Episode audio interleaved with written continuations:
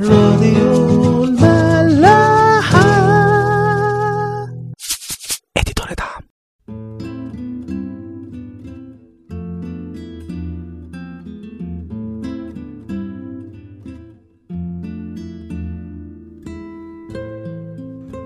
بعد التجربة على الجبل يعني في نفس الوقت كده بنلاقي تساؤلات بتدور مع يوحنا المعمدان بخصوص المسيح. خلونا نقرأ كده من إنجيل يوحنا آه، للي مش عارف طبعا اللي كاتب الإنجيل ده مش يوحنا المعمدان لا ده يوحنا الحبيب آه، واحد من تلاميذ المسيح. فهنقرأ من إنجيل يوحنا الإصحاح الأول من أول عدد 19 وهذه هي شهادة يوحنا حين أرسل اليهود من أورشليم كهنة ولويين ليسألوه من أنت؟ فاعترف ولم ينكر وأقر إني لست أنا المسيح. فسألوه اذا ماذا إلي أنت؟ فقال لست أنا. النبي أنت؟ فأجاب لا. فقالوا له من أنت؟ لنعطي جوابا للذين أرسلونا. ماذا تقول عن نفسك؟ قال أنا صوت صارخ في البرية قوموا طريق الرب كما قال أشعياء النبي. وكان المرسلون من الفريسيين. فسألوا وقالوا له فما بالك تعمد إن كنت لست المسيح ولا إيليا ولا النبي؟ أجابهم يوحنا قائلا أنا أعمد بماء ولكن في وسطكم قائم الذي لستم تعرفونه. هو الذي يأتي بعدي الذي صار قدامي الذي لست بمستحق أن أحل سيور حذائه. هذا كان في بيت عبرة في عبر الأردن حيث كان يوحنا يعمد طبعا إحنا مش هنتكلم كتير عن تواضع يوحنا ووضوحه في شهادته عن المسيح. دي حاجة يعني مش عايزة كلام أو تعليق قوي الحقيقة بالرغم من إننا كمان ممكن نقول الله يوحنا ده جميل وإزاي بيقول الكلام ده وخلاص ونعدي ونشوف حاجة تانية. بس مش بيجي في دماغنا إحنا هيبقى إيه موقفنا لو اتحطينا أو لما فعلا بنتحط في الموقف ده. خلينا كده نستوعب الأول شهادة يوحنا دي هتعمل إيه. يوحنا راجل شعبيته زادت لدرجة كبيرة جدا خلت مجمع السنهدريم بحاله يبعت لجنة يشوفوا ده مين. فلما يقول بوضوح إنه أنا مش المسيح مش القائد كل الهلمة اللي حواليه دي هتتفض بما فيهم أتباعه وتلاميذه زي ما هنشوف كمان شوية. كان يقدر هيرودس يقرب له لو كان قال إنه المسيح أو حتى نبي؟ لا لأنه بيبقى فيه نوع من الحماية من الحصانة. ونوع من السلطان برضه. اللي هقوله هيمشي. يمين يمين شمال شمال. حاجة مش سهلة قوي إن أنا أسيبها كده. بس كل ده يوحنا تنازل عنه في لحظة بشهادته دي. في كتير بقى من الأوقات في حياتنا الناس ممكن تتعلق بينا. خصوصا كقادة.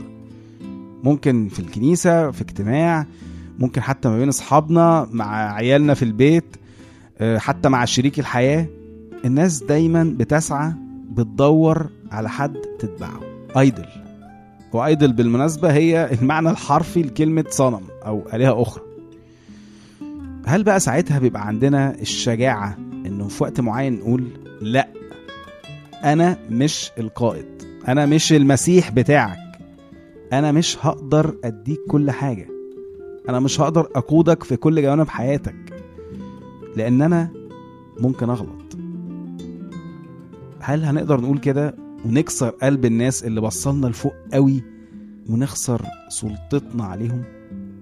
حتى لو أنا شايف إن السلطان ده بيفيدهم بيعمل لهم حدود معينة هيمنعهم من الغلط وقت الجد في واحد هيقف لهم رغم كل ده هل هعرف آخد الخطوة دي وأقول لأ أنا مش ربنا يا جماعة أنا ما أعرفش كل حاجة؟ أنتوا محتاجين تروحوا للمسيح. المسيح في وسطكم زي ما يوحنا قال جواكم. بس أنتوا مش عارفينه. ليه؟ عشان الناس دايما بتدور على الملموس والواضح واللي فيه نظام والسيستم. واحد اتنين تلاتة. ماذا أعمل لآلة الحياة الأبدية؟ أعمل إيه؟ واحد اتنين تلاتة. فإزاي بقى واحد ممكن يقود شعب أو كنيسة أو اجتماع أو بيت أو حتى شخص تاني وهو بيقول له لا أنا ممكن أغلط. ولا أنت لازم تميز. لازم تصدق في روح ربنا وتتبعه. هل عندنا بقى الشجاعة دي؟ الإيمان ده؟ أشك. للأسف إحنا بنثق في قيادتنا إحنا أكتر من قيادة روح ربنا. قول اللي تقوله من حجج أو أسباب أو مخاوف بس في الآخر إحنا فعلا بنثق في نفسنا أكتر.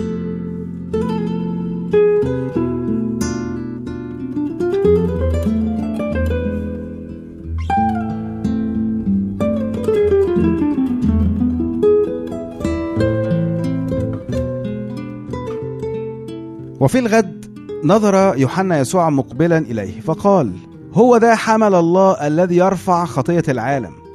هذا هو الذي قلت عنه يأتي بعدي رجل صار قدامي لأنه كان قبلي. وأنا لم أكن أعرفه لكن ليظهر لإسرائيل لذلك جئت اعمد بالماء. وشهد يوحنا قائلا إني قد رأيت الروح نازلا مثل حمامة من السماء فاستقر عليه وأنا لم أكن أعرفه. لكن الذي أرسلني لأعمد بالماء ذاك قال لي الذي ترى الروح نازلا ومستقرا عليه فهذا هو الذي يعمد بالروح القدس. وأنا قد رأيت وشهدت أن هذا هو ابن الله. يوحنا المعمدان مستمر في شهادته المسيح لليوم الثاني على التوالي وقال حاجة جديدة إن هو شاف الروح نازل مثل حمامة على المسيح. وانه اللي بعته يعمد بالماء اللي هو ربنا طبعا. قال له اللي هتشوف الروح نازل ومستقر عليه هو ده اللي هيعمد الناس بروح القدس. فيوحنا بيذكر القصة دي بمنتهى الصراحة وبمنتهى الوضوح قدام الناس كلها. نكمل. وفي الغد أيضا كان يوحنا واقفا هو وأثنان من تلاميذه يعني ده في اليوم اللي بعديه كمان. فنظر إلى يسوع ماشيا. شاف يسوع تاني. فقال هو ده حمل الله. كل يوم يوحنا بيشاور على المسيح بيقول هو ده اللي تمشوا وراه. حصل إيه بقى؟ يقول فسمعه التلميذان يتكلم فتبع يسوع التلميذان اللي هم كانوا واقفين معاه. خلاص بقى إذا كان ده المسيح والمعلم بتاعنا عمال يشاور عليه كل يوم يبقى لازم نتبعه. وفعلا راحوا ورا المسيح يقول لنا بقى حصل إيه؟ فالتفت يسوع ونظرهما يتبعان فقال لهما ماذا تطلبان؟ أنتوا عايزين إيه؟ فقال ربي الذي تفسيره يا معلم أين تمكث؟ أنت قاعد فين؟ ساكن فين؟ فقال لهما تعاليا وانظرا فأتيا ونظر أين كان يمكث ومكث عنده ذلك اليوم وكان نحو الساعة العاشرة. يمكن يعني في رأيي الهايلايت أو محور الموقف ده هو سؤال المسيح للتلميذين دول هو ماذا تطلبان؟ أنتوا عايزين إيه؟ المسيح في حياته راح له ناس كتير قوي. كلهم عايزين حاجات. ناس عايزة شفاء ناس عايزة تاكل ناس عايزة مخلص من الرومان قائد سياسي. ناس عايزة آية أو معجزة وخلاص عشان تصدق. في ناس خدت اللي هي عايزاه وناس تانية لا. لأنه زي ما قلنا وأكيد سمعته كتير المسيح ده مش الجني اللي في المصباح السحري إنما هو شخص. شخص عنده نظرة وفكر معين وهدف ورؤية. فلازم الطلب ده يكون يتوافق مع كل ده وإلا مش هيعرف يعمله لك.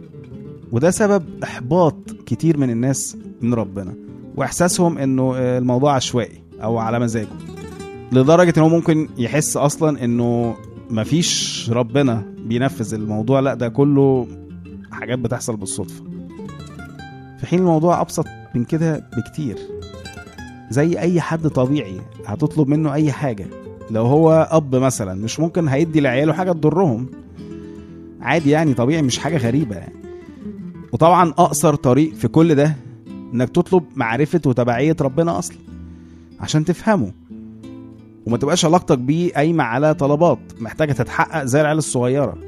إنما بقى لما بنبتدي نكبر معاه بدل ما أجي أقول له اكلني كذا أنا عايز اكل مثلا شوكولاتة هقول له لا اشبعني.